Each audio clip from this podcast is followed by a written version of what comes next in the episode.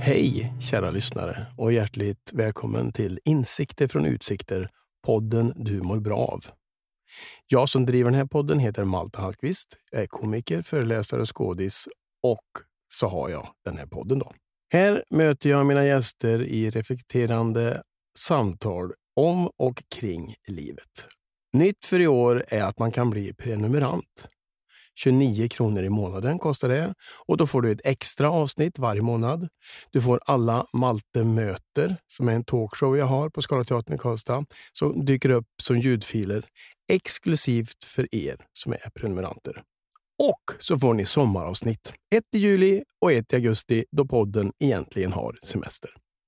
Vill du bli prenumerant så gå in på avsnittsbeskrivningen till det här avsnittet och klicka på prenumerationslänken.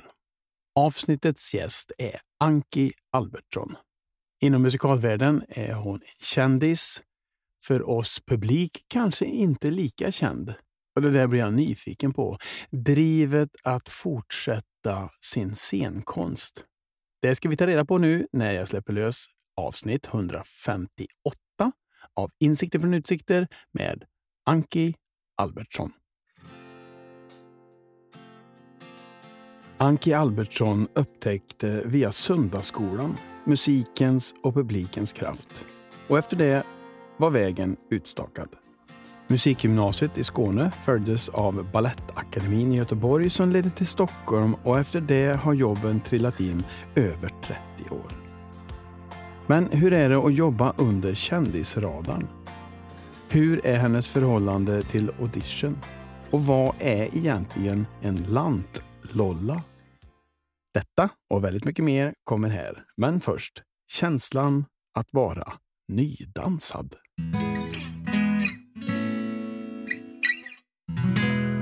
Vet du vad jag har gjort? Nej. Jag har tagit min första jazzklass på säkert 20 år. Nu pratar vi dans. En kollega igår kväll på Mamma Mia bara, du jag ska gå och dansa. Det för dans, gamla dansare liksom, man vill gå på House of Shapes. Klockan 10 imorgon. Jag bara, yeah. Så kul. Nydansad. Ny dansa. Kära lyssnare. Hjärtligt välkomna till ytterligare ett avsnitt av Insikter från utsikter. Podden du mår bra av. Och här har jag en utsikt som jag haft någon gång. Jag sitter i min dotters kök och tittar ut över delar av Bromma. Det är i början på februari, så det är ganska trist faktiskt. Alltså om man tittar ut. Inga löv och snön är borta. Men mitt emot mig sitter något mycket mer positivt. Nämligen avsnittets gäst, Anke Albertsson. Välkommen till min podd. Du, tack så jättemycket. Hur mår du? Jag mår bra. Du är nydansad. Jag är nydansad. Du får berätta lite. Hörru du, eh, jag dansade ju jättemycket förr. Ja. Men nu är man ju inte helt ung längre, så det är ju några år sedan man gjorde det. Men så hade jag en kollega igår kväll som, eh, på Mamma Mia The Party, som vi repeterar upp på Tyrol, som säger att imorgon är det dans för dansare som jag har hållit på. Eh, klockan tio, är du med? Och jag var det. Nu klockan tio. Hur länge sedan var du dansade då? Nej men alltså dansmusikaler. Jag gjorde ju musik... Alltså Chicago gjorde vi ju till exempel 00 sista. Och sen har det inte blivit så mycket dans. Någon enstaka lite grann, men inte det där dansdansiga. Ja, för du, ut, du är ju utbildad på Balettakademin Ja, i då, Göteborg. i Göteborg. Musikallinjen, så det var ju allt, men det var ju väldigt mycket dans. Ja. Så många starten jag gjorde var ju Chorus Line, Chicago, Fame, du vet om det. Blir det um, träningsverk imorgon? Ja, det blir det. Det är ju skönt ju. Mm, man har gjort något. Jag brukar börja eh, mina poddar med en, en faktaruta. Så jag tänkte vi, vi gör det. Fullständigt namn, Eva Ann-Kristin Albertsson Gröning, ålder, 55. Yrke, Sångare, skådespelare, musikalartist. civilstånd, Gift. familj, Man och två vuxna barn. hobby, Oh, all form av kultur. Film, böcker, resa, teater. Mm. Hinner du läsa mycket? Ja, hyfsat faktiskt. Ja, bra. Mm. Senaste boken? Nu håller jag på med Hans Fallada. Eh, vad heter det nu? Varför det blev han, eh, det är en sån här andra världskrigs eh, fin författare under nazi... Ja, vi håller på med en föreställning som heter Katakom. Den handlar om, om den här tiden. Mm. Hans Fallada, kommer inte ihåg nu, något med framtiden. Mitt hem, ja, någonting. Mm. Vi släpper det då. Släpper det. Äter helst? Eh, allt. Oj! Ja, allätare. Mm. Inget sådär du kan liksom ringa in som att Åh, nu är det fest, Nej. då ska vi äta. Ja, det kan bli entrecote, men det kan också bli en god fisk. Mm. Dricker helst? Bubbel är ju gott. Mm. Skumpa är alltid Säger gott. Anki med ett leende. Jaha. Okej, sista frågan i faktarutan. Ditt roligaste uppdrag hittills? Det jag håller på med nu är ju fruktansvärt roligt, Mamma Mia The Party. Men man har ju gjort många roliga, både musikaler och pjäser. Mm. Det är svårt att säga faktiskt. Jag tycker jag har haft tur att få göra lite allt möjligt. Är det tur tror du? Det är lite tur tycker jag. Mm. Det är det. Men frågan är om det är tur. Ja. Nej, men jag är ju bred naturligtvis. Det är jag ju. Men samtidigt så tänker jag, ibland blir man plockad till saker som så visar det sig, ja men det där var, gjorde hon ju också ganska bra, så får man göra det. Tycker att andra kanske skulle kunna vara lika bra, som inte blir plockade. Du ändå höll på ganska länge tänker jag. Ja, Vi tar det från början helt enkelt. ja det gör vi. Rydaholm, där, där, där är du född. Där är jag född. Ja. Och sen, så om jag läst på rätt, så hamnar du i Skåne på någon sån här musikalutbildning. Och där träffar du på ett gäng som heter Stimulans. Just det. Och det var liksom det första för dig. Ja, Stimulans, vad var det för gäng? det var ju en showgrupp eh, som gjorde, mm, ja vi turnerade både utomlands och hemma. Fem tjejer, sex killar. Ja, det är en stor grupp ju. En jättestor grupp. Vi turnerade. Det var inom IOGT-NTOs regi från start. För hela den skolan var det. Folkhögskolan. eh, M1 som den heter. Så det gjorde vi. Jag var med i tre år tror jag. För du är ju uppenbarligen en talang när det gäller eh, musik och musikal. Det har man ju förstått eftersom du har hållit på så länge. Men det måste ju ha börjat innan du träffade Stimulans, tänker jag. Ja, att du, det gjorde Att du kände att det här är något jag vill hålla på med. Det, det har jag vetat hela mitt liv. Alltså, från början? Från början. Vad beror det på då? Du, jag gick i söndagsskola. Ja. Och där var det ju, fanns det ju gitarrer. Och Jesus. Och Jesus fanns det. Det var väldigt spännande. Ja. Och eh, jag blev ju oerhört förtjust i musik. För jag kom inte egentligen från något speciellt musikaliskt hem. Vi var ju en bonnafamilj liksom, på landet. Däremot så var ju farfar gammal spelman, så det fanns ju liksom i, men inte i min familj egentligen. Men där fick jag börja sjunga I söndagsskolan. i söndagsskolan. Så när jag var sex år så började jag liksom sjunga på de här olika gudstjänster och grejer. Så då var bara helt klart. Så när jag var nio fick jag min första gitarr. Av Sen började jag sjunga. Ja, mor och far. Ja. Så tog jag en snabbkurs eh, i kyrkan, ackord. Och sen började jag sjunga på lite så här hem och skola-möten och hembygdsgårdar ute. Så jag spelade. Så så träffade jag Stimulans när jag var 17. Då var jag och sjöng i Alvesta Folkets hus. Och då tänkte de att den här tjejen ska vara med. Ja, så sa de efter, du, du sjunger bra, ska du inte börja på skola? Jo, så jag hoppade av gymnasiet då. Lite annorlunda väg ändå. Absolut. Via söndagsskolan, tänker jag. Ja, men det är det. Ja. Och så just att det var gitarren. Ja, helt. Jag var förälskad. Jag spelade varje dag i min eh, barndom. Tills vi köpte ett piano när jag var, gick i nian. Då, mycket- la jag, då jag, la jag gitarren på hyllan helt. Hur mycket gitarr spelar du nu? Ytterst lite. Men i Mamma Mia The Party Ja, så spelar jag det, lite. Det står det till och med på Ja. affischen va? Eller Ja, men just det. Där spelar jag lite i den. Ja. Och sen har jag gjort någon konsert för några år sedan när jag faktiskt spelade gitarr hela. Eh, själv. Jag är ingen mästare, men du vet de enklaste. Kör lite ackord. Ackord. Mm. Och efter eh, musikalutbildning, eller musikutbildning, eller vad var du gick i Skåne? Eh, musikteater egentligen. Mm. Där möttes jag ju... Ja, gymnasiet var det ja. Ja, e- ja, jag var ju 17 när jag började. Så det var ju mycket dans, Mm. teater, men mest egentligen musik. Så. Och där någonstans kom du på att nu drar jag till Göteborg och går i Ja, Balettakademin. först, först var jag i Stockholm ett år och tog lite klasser och grejer. Och sen eh, började jag Balettakademin. Och då fanns det ju inte så mycket. Mm. Jag hade, visste ju inte ens vad musikal var innan jag kom till eh, Skåne. Då var det ju så att öppna, kan man göra både och. Liksom. Alltså, annars var jag mer om. intresserad av musik och tänkte jag skulle göra musik. Ja. Men det var som en teater. Och då tyckte jag det var fantastiskt kul. För en del har ju svårt för alltså, musikalformen. Absolut. Att, vad, vad ska man börja sjunga helt plötsligt här? Mm. Jättekonstigt. Men det, det upplevde inte du, utan tvärtom. Alltså som utövande så tycker jag att det är skitkul. Mm. Sen är det ju naturligtvis en, du måste ju hitta ett sätt att gå över liksom så att det inte blir corny. Och, Ja. men sen tycker jag ju ibland själv när jag ser att det inte är. Men det är även mer regissörens uppgift? Eller? Ja, det är det ju. Och sen är det klart, sen är det ju olika eh, musikaler också. En del är ju mer välskrivna liksom. Att det Mm. Ja, det går över mer som att det blir repliker som bara tonsätts. Mm. Ibland blir det mer, nu kommer en sång. Och då är det ju svårt. Det är ju svårt både för den som är på scen och den som sitter och tittar, tycker jag. Men när man tittar lite grann, jag har ju ändå kollat upp dig Vanki. Mm.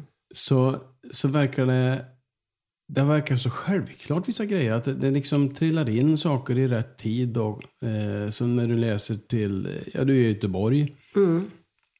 Och eh, där blir en tv-produktion. Som Ja, heter, ja, kommer jag ihåg rätt nu, Blank päls, vassa tassar. Och starka tassar. Starka ja. tassar, ja. Och så hoppar du av Balettakademin Ja. för att göra tv. ja, men också för att jag fick eh, jobb på Kinateatern. Det var då det blev fame. Mm. Ah. Så ett halvår var jag borta och filmade och sen blev det fame och då hoppade jag av.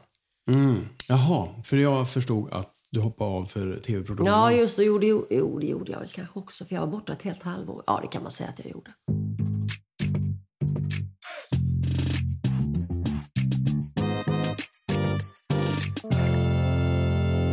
Sponsorsnack. Malte möter.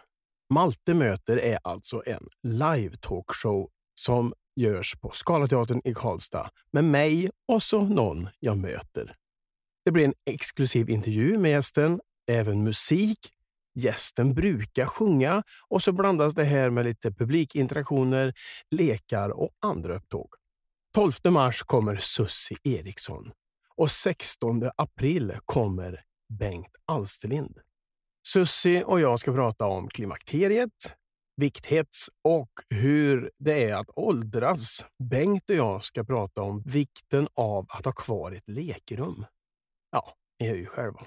Så gå in på ticketmaster.se eller ring 054 19 00 80 och så ses vi på Skala.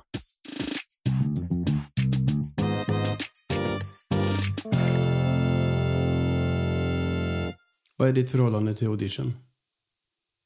Det är inte jättekul. Nej. Jag tycker att jag när jag var ung var jag mer taggad liksom och tyckte att du vet, man kunde gå igång lite grann. Idag är det inte samma sak. Idag är man så medveten om vad det handlar om också. Det handlar om att du ska vara rätt typ. Att du ska stämma med de andra som ska kastas. Ja, men du vet, och då, sitter, då står man nästan och tänker lite utifrån produktionsteamets öga. Liksom. Och då blir man lite mer... Ah. Man blir inte i det, utan man blir nästan utanför det. Ja, jag fattar. Och sen också audition. Jag gör ju inte lika många audition längre, så jag är också lite ringrostig ibland. Ja. Då när man väl ska göra. För nu, för, eftersom du gjort stora produktioner, så man ringer dig och säger att vi vill att du spelar. Ja, ibland är det ju så. Och ibland måste man söka. Det är lite olika. Men som tur väl är så är det ju ofta man idag får ett samtal. Det var ju precis dit man ville. Ja, Man längtade ju. Åh, kan de inte bara ringa mig så man slipper stå där de två minuter och bara... för i musikalvärlden så är ju du verkligen ett känt namn. Det märker man när man... Jag gör inte mycket musikal, men det händer då och då. Och alla vet vem Anke Albertsson är. Ja. Men sen om man frågar de som inte är i världen. Eh, Jag har ju berättat att jag ska, jag ska träffa dig idag för vänner som kanske inte är i detta. Och då vet de inte vem du är. Nej. Nej, men så är det ju. Så du flyger ju under radarn på något vis. Ja.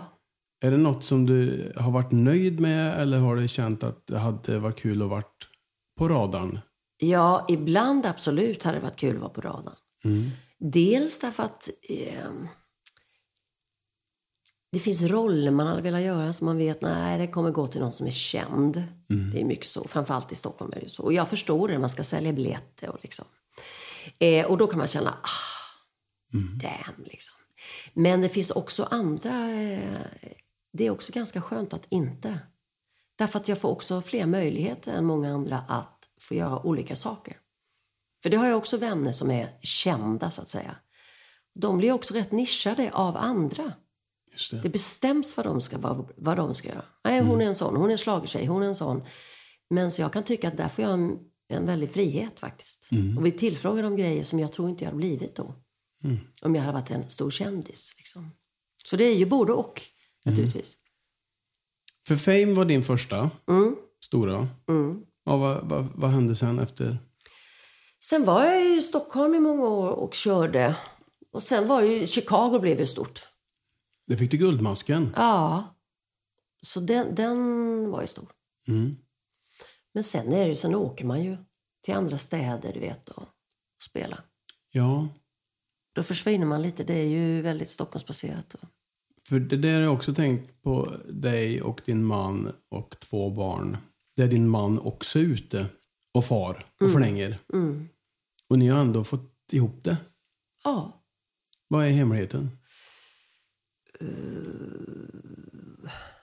Eh, förståelse för eh, den här lusten man har liksom, till att arbeta. Det är ju nästan det största skulle jag säga.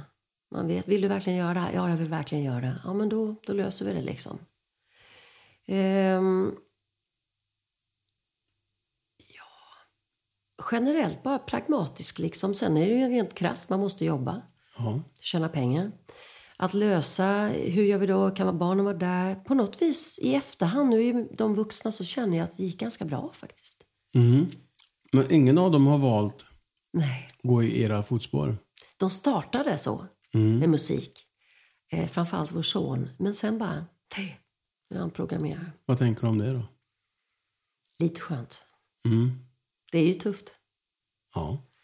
Och frilansmusiker är ju supertufft som han skulle ha blivit och basist. Just det. Eh, så jag kan känna lite, bra, kan spela på fritiden. Om jag kommer ihåg rätt så er dotter var ändå inne i produktionssvängen ett tag va? Ja, just det. Hon var ju rekvisita. Mm. jobbar hon lite med. Ja, vad gör hon nu då? Nu pluggar hon och vet väl inte riktigt vad hon vill hitta på Mm. framåt.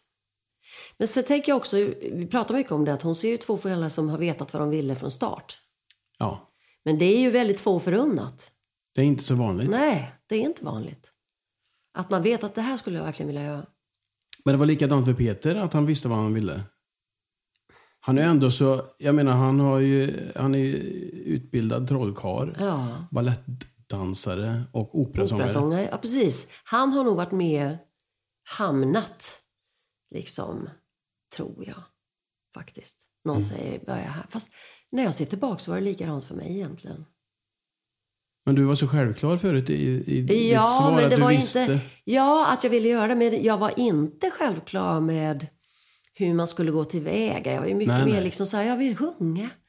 Så kom jag till Stockholm och då träffade jag ju kollegor som var helt, vet, det var ju en annan bag. Då hade de gått AF och de hade liksom Adolf, Fred-? Adolf Fredriks musikskola. Ah, okej. Och sen har de gått där och sen har de gått där. Det fanns ju en helt annan liksom, jag var ju verkligen lantlolla Mhm. när jag kom. det är jag fortfarande på många sätt ska jag säga. Ja, vad menar du med det? Jo, men jag känner att jag är lite off ibland. Att jag inte liksom hänger med i...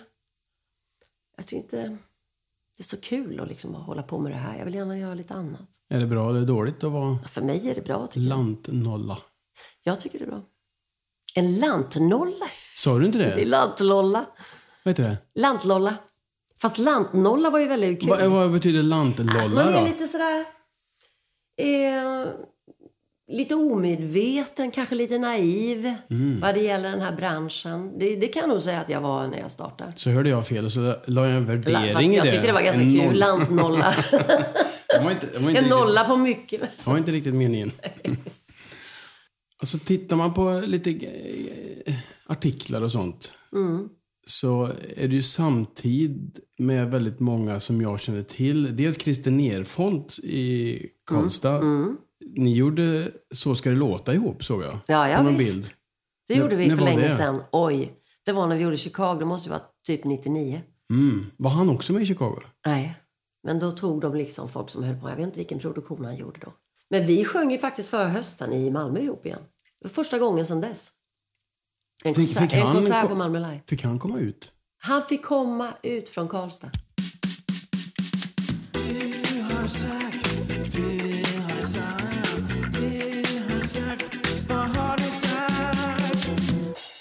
Vad var det du sa? I min podd så har jag en avdelning som heter Du har sagt. Jag kom till Dansakademin asstel. Det gjorde jag. Jag hade ju spelat fotboll hela, min- Mm. hela min barndom och tonårstid. Då, då sa jag, det var, i det var faktiskt M1. Då sa dansläraren, har du spelat fotboll? Jag tittade på honom och bara, ja hur vet du det? Jag ser det på dina smalben. Nej, att de var blåa eller vadå? Jag vet inte de är muskulösa eller vad det var. Jag vet inte. Mm. Väldigt roligt. Jag bara... Och så var jag ju superstel. Jag hade ju aldrig stretchat. Nej. Så det fick du börja med. Mm, det fick jag bara. Får se om du blir asstel imorgon då när du vaknar. Här kommer vi tillbaka till eh, Chicago. Mm. Att vinna Guldmasken för bästa biroll, som egentligen var en huvudroll, tog lite udden av det priset. Ja, det gjorde det absolut. Ja, Det var ju lite tjafs där. Till och med i tidningarna faktiskt. okej. Om den. Du får berätta, för det var Petra Nilsson och du Ja. som fick Guldmasken för samma, Exakt. alltså för Chicago. Exakt. Vi gjorde ju de här två rollerna då. Och ehm, det var ett jädra liv när det kom ut eh, nomineringar då, att vara biroll. I efterhand så förstår jag varför. Därför att Petra skulle, var ju redan påtänkt att åka till London och göra några veckor. Mm. Eller veckor, hur länge var Petra? Ja, skitsamma. Nej, hon var nog längre i London, men ja, i hon New var, York Då var hon, av- men hon var veckor. tre månader eller sex månader i London va? Jag kommer inte ihåg. Jag var och tittade på premiär, jag kommer ihåg. Men visst tog det udden. Ja. Det gjorde det, det kommer jag ihåg. Jag var lack faktiskt. Har du Guldmasken framme hemma? Mm, det står i bokhyllan. Det tycker jag man ska ha. Ja, det är fin. Och så finns ju inte den längre. Nej. Alltså, när försvann den där utmärkelsen? Jag vet inte, vi pratade om det på teatern häromdagen faktiskt. Nu är det ju inte så många producenter kvar. Det är ju liksom Oscars och eh, Kina. Alltså förr fanns det ju så många teatrar, det var ju större. Mm. fanns ju även fler tror jag i andra städer liksom där alla slogs om. Idag är det inte så många. Så det är väl Det är lite det blir- synd för alla, alla andra branscher har ju sin. Ja, Alltså Guldbagge och mm, Kristallen. Och... mm. Det är lite synd. det är synd. För är det mindre folk som är och tittar på scenproduktion nu än det var förr? Oh ja, det är en jätteskillnad. Vad beror det på då? Eh, Tv och strömningstjänster tror jag. Mm. Jag kan säga att när jag började jobba med Fame till exempel 93, då körde vi ju sju i veckan. Tisdag Kommer du ihåg vad biljetten kostar då? Nej. För jag undrar om inte det har blivit så mycket dyrare Jo, också. det har det ju också blivit. Så att, Jag kommer faktiskt inte ihåg, men, men det är ju väldigt dyrt. mm. Men jag tror inte det är så mycket pengarna som... Det händer något när folk höll sig hemma istället. Stanna hemma och titta på något. Man fastnar i soffan. Ja, och jag, jag tänker ibland på till exempel recensionerna vi gjorde de här första föreställningarna och, och även upp då i Chicago. De här, det var ju stora uppslag i tidningar. Kvällstidningarna var ju jättemycket grejer. Vilka är de här karaktärerna? Vilka är de här rollerna? Vi gjorde Veckorevyn som fanns då, du vet. Och, vi gjorde ju allt. Recensionerna var enorma. Idag kanske det är en sån här... Ja, det är inte ens ett halvt A4. En recension Mm. på en produktion som har lagts ner ändå privata pengar, eh, jättemycket kraft. Och vad beror Det det, på synd. då, tror du? För det kan ju inte ha med att folk sitter i soffan. Nej, kanske att det blir inte så intressant. Alltså det är ju inte lika stort publikunderlag liksom. Det kan vara så. Eh, jag tycker det, det är ju synd naturligtvis. För scenkonsten. Men det är väldigt få människor som går iväg på något och tittar live som ångrar sig. Exakt. Det där kan jag tycka är så synd att, att man har fastnat i soffan. För att, Mm. att se någon framföra något live påverkar en alltid. Jag kommer ihåg första gången jag hade med min son. Jag, hade med min dotter också, men vi var och tittade på Trollkarlen från Oz på Göta Lejon. Och Josef hade aldrig sett en, en liksom fullskalig teateruppsättning. Och hur han satt med fingrarna i mun i, ja, i två timmar. Och bara gapa. Ja. Just för att det blir så påtagligt. Mm. Det är en ganska stor skillnad på det och en skärm. Mm. Visst är det det? Med energier och... Mm. Och det är också att sitta ihop med andra människor. Mm, Uppleva samma saker, reagera på samma saker. Det är som med bio också. ja. Att vi sitter där ett helt gäng liksom. Och förhoppningsvis har stängt av mobiltelefonen. Ja. Så man får uppleva samma sak. man skulle kunna kalla Mamma Mia The Party för en dinner show. Så är det. Du får nästan förklara, för om man inte har varit... Jag har ju varit och sett. Tyvärr var du sjuk då. Så jag har inte sett dig. Jag har inte sett dig, Anki, på scen någon gång tror jag. Mår du inte det? Det är för dåligt. Ja. Får komma då. Ja, absolut. Vad är det man får uppleva? För det är ju inte filmen Mamma Mia. Det är inte filmen, det är nyskrivet. Mm. Så dra storyn lite. Jo, så här är det. Alltså artisterna, vi artister är, rör oss ju i lokalen och umgås liksom med folk. Och sen har vi en historia som är nyskriven. Eh, om en värdshusägare, Nikos, och hans fru Kiki som är jag. Och eh, så händer det grejer under kvällen. Vi går ut in i små akter liksom. Och så är det eh, ABBA-musik, asbra musiker och sångare. Och varmt. Och varmt och trevlig grekisk mat. Och ehm, jag skulle säga att det är en feel kväll Mm. Dinnershow är ju vanligt. Jag har gjort dinnershow i USA i några omgångar. Och det är ju den stilen. Man sitter liksom och så blir man lite engagerad, lite interaktivt liksom. Och ja, det är en väldigt trevlig form av underhållning. Mm. Faktiskt. Och nu är det liksom nypremiär. Ja, När var det, sa du? 22 februari. Vi får se om det här sänds innan dess. Det kanske jag ska se till att det gör då. Vad fint det Mm. Inte för att ni behöver hjälp med biljettförsäljning direkt, men Ska, det skadar aldrig. då kan ni hålla på några år till, tänker jag. Du blir inte trött på det? Nej. Jag kan säga så här, att hade jag gjort en vanlig föreställning, så här många som jag har gjort, då hade jag blivit trött. Men inte det här. Man blir inte, för jag tror att det, är, att det händer saker där ute. Man träffar folk som säger olika saker varje kväll till en i publiken. Och, alltså det händer Ja, för ni jämt. tillåter det, att man liksom interagerar? Absolut. Och sen pratar man, går man runt lite och pratar med folk i pausen. Och, och det tycker ju människor är väldigt trevligt. Ja, det blir ju en väldigt nära. Jag var där och tittade. Ja, när var vi där då? 2017? Var det ja, 16-17, jag kommer ihåg. Och man stå, alltså, de sitter ju nästan i knät och spelar bas. Ja, just det. Det är häftigt. Det är nära, nära, nära. Ja, det är det verkligen. Det franska språket är snällt mot stämbanden. jag har sagt det. Ja. Fast det är sant. Jag sjöng på Lido i Paris två och vi spelar ju Du säger det så självklart. Hur, hur hamnar man Ja, nej, det, i Paris det är på det Lido som, som är så leading roligt. lady? Ja. Ja. Vet du vad? Det är det som är så kul med vår bransch ibland. Att man har ingen aning. Sen är det någon som frågar, vill du? Men det gäller ju också att kunna hoppa på det. Jag gillar ju att hoppa på. Mm. Men då ska vi ha också en man som tycker att det är kul. Och det har jag haft hela tiden. Han hänger med. Mm. Det är bra. Ja. Men alltså, så här var det. Jag var i Göteborg och gjorde en eh, krogshow med Claes Malmberg. En jul och så ringer en eh, maskör och regissör, producent från Norrköping och säger jag har kontakter nere på Lido i Paris. Det vet man bara. Det är fjädrar och tuttar man tänker. Eh, och, säger, och säger då att den tyska eh, tjejen som är primadonna ska sluta. Och, och mina polare säger att du vore perfekt. Jag bara, ja visst, visst, tänker jag. Men skicka mitt CV till den där regissören då. Så gjorde han det. Och det han ringer, eh, samma dag som jag har premiär i februari. Då sitter jag på tunnelbanan vid Skärmarbrink och så bara My name is eh, Pierre Humbert. eh, you're very beautiful. Han. Fransman va? Jag bara okej, Skärmarbrink.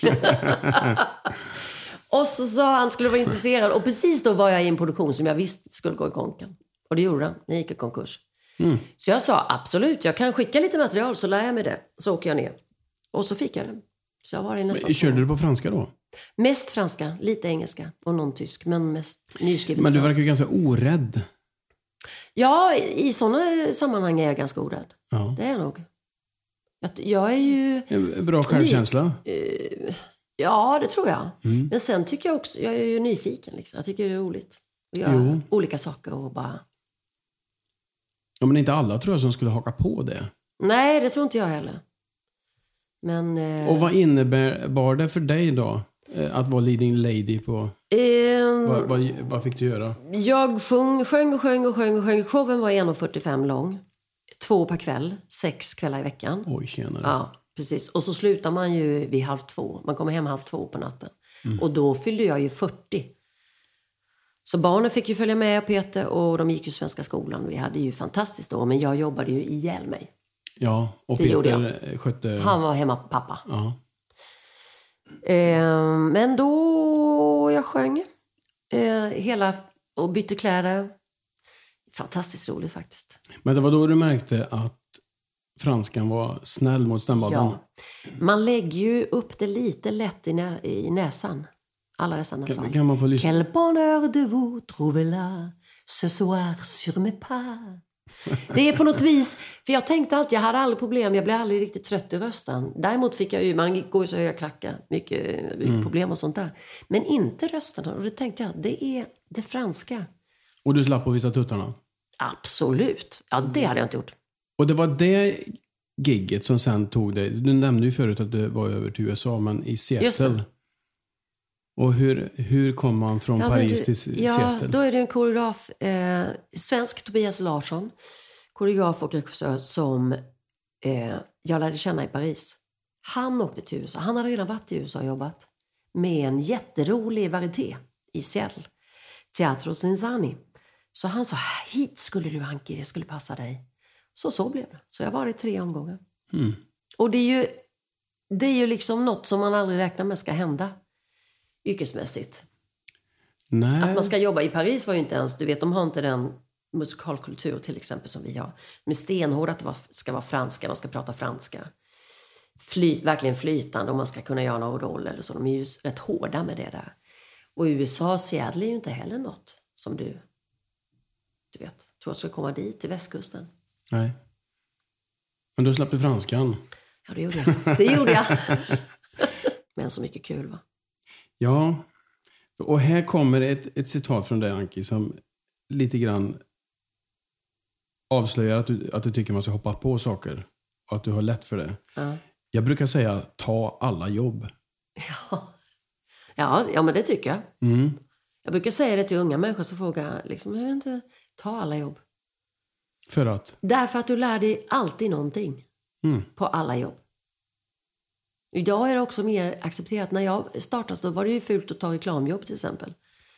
Just det. Det var liksom inte, samma. så fint. Idag är det ju inte så. Nej. Bara ta, ta allting. Eller, dubbjobb, voice-over, eh, gig. Man, tänk vad mycket jobb man har gjort. Jag stått på lastbilsflak, ja, vad man har varit. Ja, men du vet sånt där. Mm. Och man lär sig ju enormt. Det är ju bara så. Ja, för jag, har, jag har en regel som jag brukar följa. Mm. Och då är det tre parametrar. Dels så ska det vara kul. Mm. Eh, så ska det ge, eh, eller stärka mitt varumärke. Mm. Och så ska det ge pengar. Mm. Så två av de tre måste vara ifyllda. Ja, Annars så brukar jag tacka nej. ja.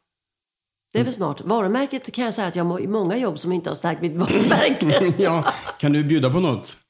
Ja, men det är till exempel sådana där lastbilsjobb. Alltså på Gärdet en gång, det var en sån här motor, äh, motorträff. Ja. Jag säger, kan inte du med köra till en kille som spelar en liten Jerry Lewis-style, liksom, jag kommer inte ihåg vad han heter. Du vet, sådana där jobb. Men då var man ung. Idag tar jag väl inte alla jobb på samma sätt, det gör jag inte. Men då när jag var ung gjorde jag det och, och eh, jag ångrar faktiskt ingenting. Idag, och framförallt när barnen var små, det finns jobb som jag känt, det där skulle jag inte hoppat på. Men det handlar mer om att det blev knöligt för familjen. Eller att jag i perioder absolut har jobbat för mycket. Så är det ju bara. Då får familjen sota och jag får också sota för jag är lite för trött. Ja, just det. Ja, och eh, bara det i Paris-gigget med 12 föreställningar i veckan. Ja. galet. Ja, det är ju riktigt galet. Mm. Ja, och jag kan säga också, det låter så vettigt av mig här ha tre parametrar. Jag hamnar också på ställen när man känner att det här, det här skulle jag inte ha tagit. Nej, jag vet. Fortfarande. Ja, man bara, det blir alltid mer jobb än vad du tror. Ja, Ja, du och, ska bara in och göra tre låtar. Mm. Men sen ska det repeteras, det ska fixas fram kläder, det ska göras det. det ska... Eller hur? ja, och framför allt tycker jag när man hamnar på eh, fester där det har tippat över. Just det. När ingen är intresserad av Nej. det som händer på scen. Ja, just det. Företagsjobben. Mm. De är knepiga ibland. Ja, de flesta är alldeles utmärkta med uppstyrda och sådär men det händer att man kommer in för sent. Mm.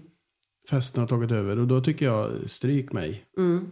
De, de vill prata Ja, och dricka. exakt. Vi, vi går vidare. Man tror att folk som syns mycket alltid har jobb. Men så är det inte alls. Har jag sagt det? Mm. Ja, men det stämmer. Vad skönt att det stämmer också. Ja, att jag inte satt och ljög den gången.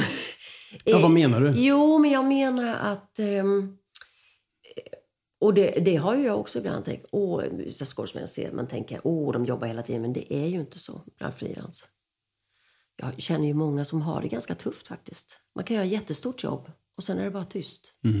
Och det är det jag menar lite med det att, komma, att vara lite under radarn. Ja, det är ju jättetråkigt mellanåt. Men det är också rätt ganska, du kan få ganska mycket erbjudanden om olika saker. Men som du är, vi säger att du är en schlagerartist. Ja, när du inte sjunger den där slagen, då, då tänks du inte på att göra något annat. För de flesta. Nej. Och då kan man gå långa perioder. Och inte ha någonting. Och ganska tajt liksom. Och sen får man det igen och då syns man igen. Det är någon tv-gig eller någon mello eller något annat. Jag vet inte vad det kan vara. Och sen är det en paus igen. Och det är ju tufft. Så när jag kommer hem till Rydaholm, jag är ju hemma ganska mycket. Min mamma är ju kvar där och hon har två bröder. När kommer du på tv nästa gång? Är du på tv? Ja, det är klart, det är ju jätteroligt. Ja, jo. Men det är det man ser med de allra flesta kulturarbetare är ju inte på tv. Nej. De är ju runt och jobbar antingen privata jobb eller så är det teatrar eller liksom. Så är det ju. Det är jobbigt. Ja, det har jag varit inne på, men vi tar den ändå så får vi se vilken version jag tar med. Mm. Det är jobbigare med audition nu för tiden jämfört med förr. Ja, ja men det är det.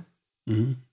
Vi pratar om man är mer kritisk och vet lite mer vad det handlar om. Förr körde man bara på adrenalin på något vis. Tyckte att det var kul allting. Och idag vet man, ja, de kanske tänker så här.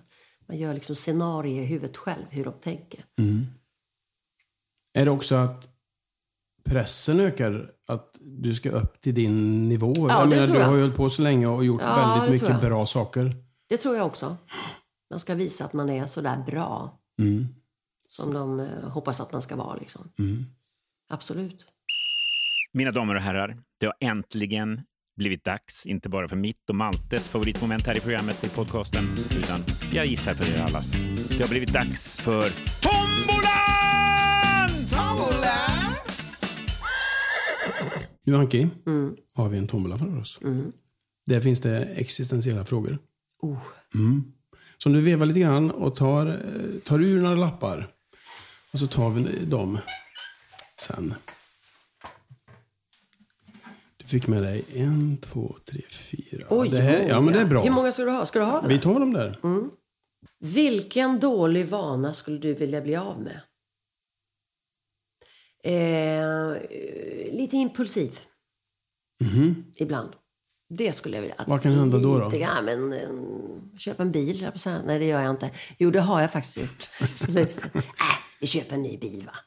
Nå, ibland eh, kan jag vara lite för snabb på det här med jobb. Att säga absolut. Ja då. Det går lite för fort. Okej. Det skulle, jag, det skulle jag säga är en vana. Där skulle jag behöva tagga, tagga bakåt lite och bara...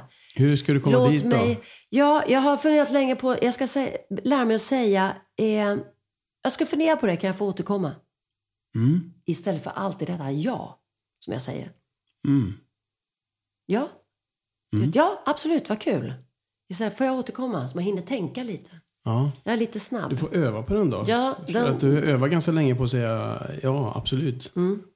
hela mitt liv. Mm. Så den är ju läge att börja liksom... För det har man ju också en man hemma som ibland bara, vad har du sagt ja till? Han, ja, ja. han är inte lika nöjd. Inte alltid. Nej. Utan nästa. Vad skulle du vilja ställa för fråga till dig själv? Eh, jag skulle vilja ställa...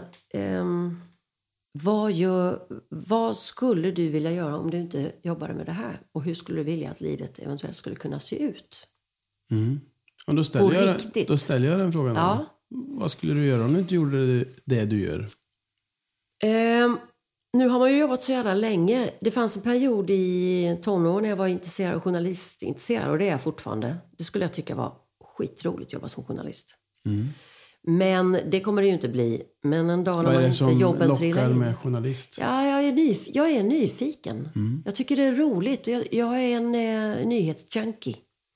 Jag tycker det är kul att läsa om omvärlden. Jag, jag, jag är intresserad av mycket olika saker. liksom. Och där kan jag känna ibland att ah, det blir så... Man gör en produktion och man gör samma manus varje kväll. Det hade varit kul att eh, prova någonting med livet, faktiskt.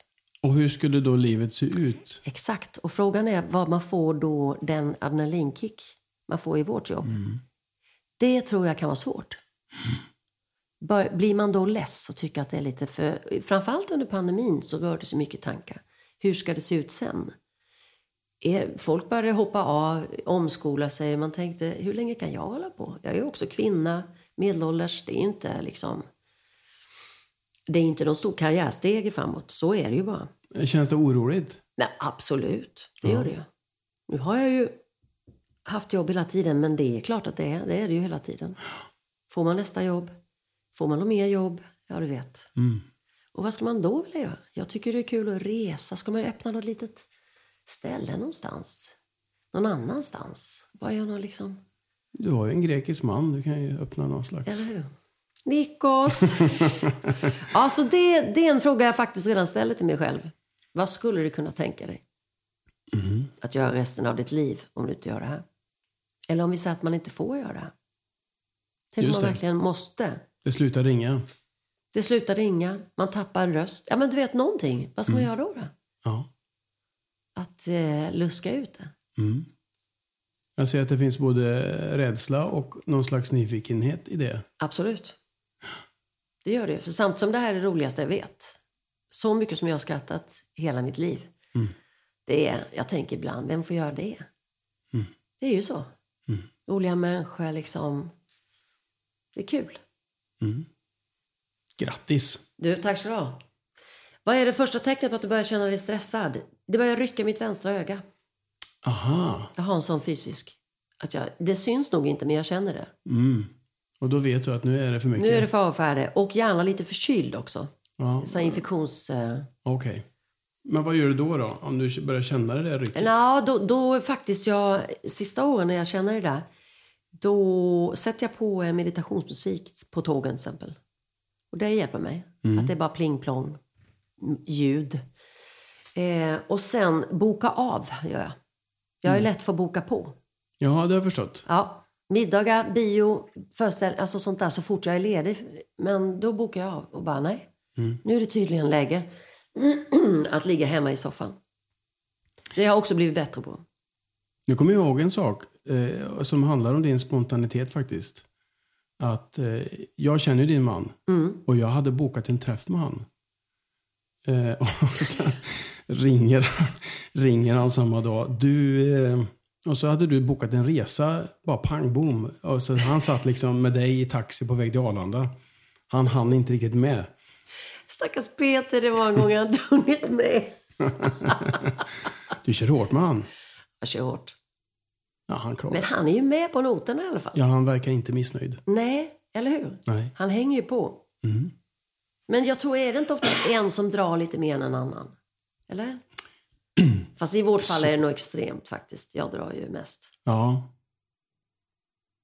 Jo, för jag, jag kan tänka mig att i vissa fall så kan det vara växeldragning längs med livets gång. Men Ja, här, just det. här verkar det vara du som Ja, drar. utom när vi har köpt hus och sådär, då är han alltid med på tåget. Då, går- då är han också ganska i gasen. Okej. När vi har bytt boenden och Mm. sådana saker. Ja, för ni är båda väldigt impulsiva va? Mm, det är vi. Peter också. Vi har mycket energi båda två och vi är ju ganska temperamentsfulla. Ja. Så är det. Har det varit... Klart det har varit både fördel och nackdel förstås. Ja, vi har haft mycket kul. Mm. Mycket som har hänt, men det är också kollisioner naturligtvis. Mm. Ehm, så är det ju. Att man, blir- man kan också bli trött då till slut på att det händer mycket. Man bara, kan vi bara lugna ner oss lite? Mm. Sista då. Berätta om ditt livs stoltaste ögonblick. Ja, det måste ju vara barnen. Ja. Våra små barn alltså. Mm. När man får dem där. Och vad de än gör så blir man stolt hela tiden tycker jag, eller hur? ja, men så är det. Och den här frågan har dykt upp några gånger och det blir, det blir ju barnen förstås. Mm. Men om- du inte tog barnen? Tag barn. Ja.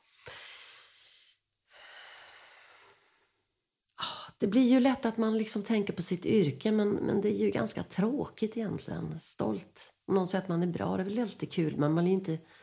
Det är ju inte liksom... Jag kan tycka... vi- Jag och Peter har hållit ihop i 30 år. Det är ju, jag är ganska stolt över det. Mhm. Det har ju verkligen varit upp och ner med oss. Och, är Ja, det där är ett jobb ju. Det är ett jobb. Det är lätt att vika av. Mm. Ehm, det får jag säga. Att här och nu är jag ganska stolt över det. Mm. Bra jobbat. Mm. Detsamma. Tack. Ja, det är ju ett jobb. Alltså, det är ju ett, val man gör, att ta jobbet. Mm. Och så hoppas man att fördelarna blir mer än nackdelarna till slut. Mm. Och någonstans där måste man ju ringa in det eftersom man väljer att fortsätta. Eller så är man dum i huvudet. Eller så är man dum i huvudet. Så kan det vara också. Det kan det vara. Man vet inte till slut. Nej. Nej, men, eh, Men tycker nej, du men så är det ju. Tycker du också ju äldre man blir desto mindre kollision, även om man kolliderar gör man ju, kommer man väl göra hela livet. Men Nej, det är inte lika ofta längre. nej, och så byggs Nej. det in något, någon, grundackord som är bra. Mm. Det lugnar ner sig. Mm. Livet gör ju det. Ja, Jag tänker ofta också med barnuppfostran. Det är ju en, en källa till kollisioner. Mm. Och där, då var det ju, kommer jag ihåg, långt mer kollisioner. Men jag har ju sagt det, men jag tycker inte vi ska, du vet det där va. Mm. Det, hela det tjafset slipper man ju. Nu, ja, till exempel. Det är ju en stor bit. ja. Och att man kanske inte är på väg till en massa olika ställen hela tiden heller, rent Nej. känslomässigt. Utan Ja, just det. Man är lugnare. Ja. Skönt att bli gammal. Ja. Det är inte helt fel faktiskt. Alternativet är ju sämre. Mm. Vi stänger tombolan.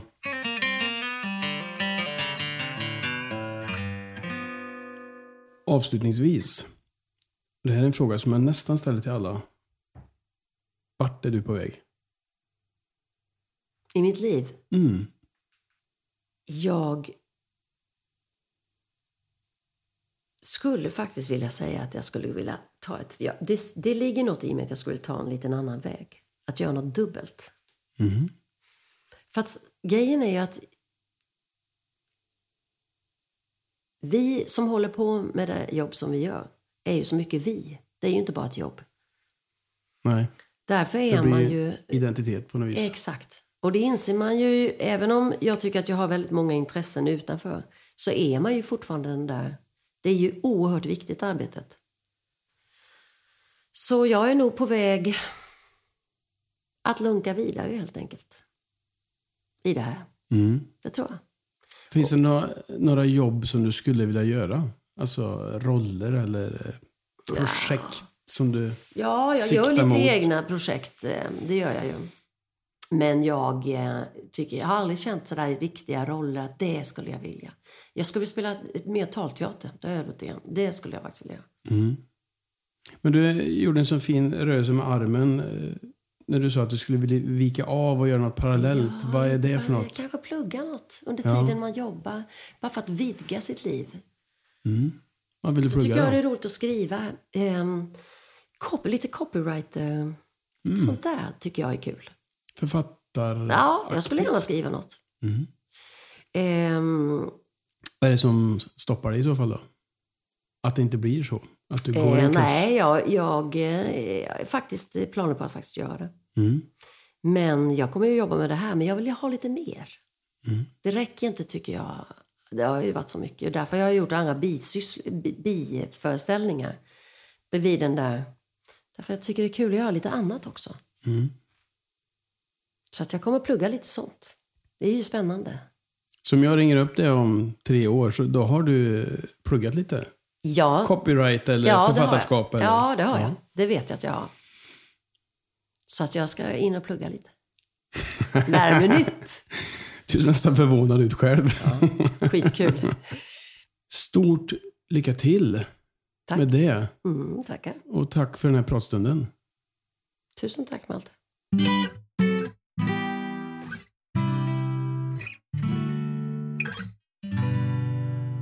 Mm. Det var Anki Albersson det. Otroligt inspirerande, eller hur? Nästa vecka ska ni få träffa ytterligare en inspirerande människa, nämligen Macke Granberg.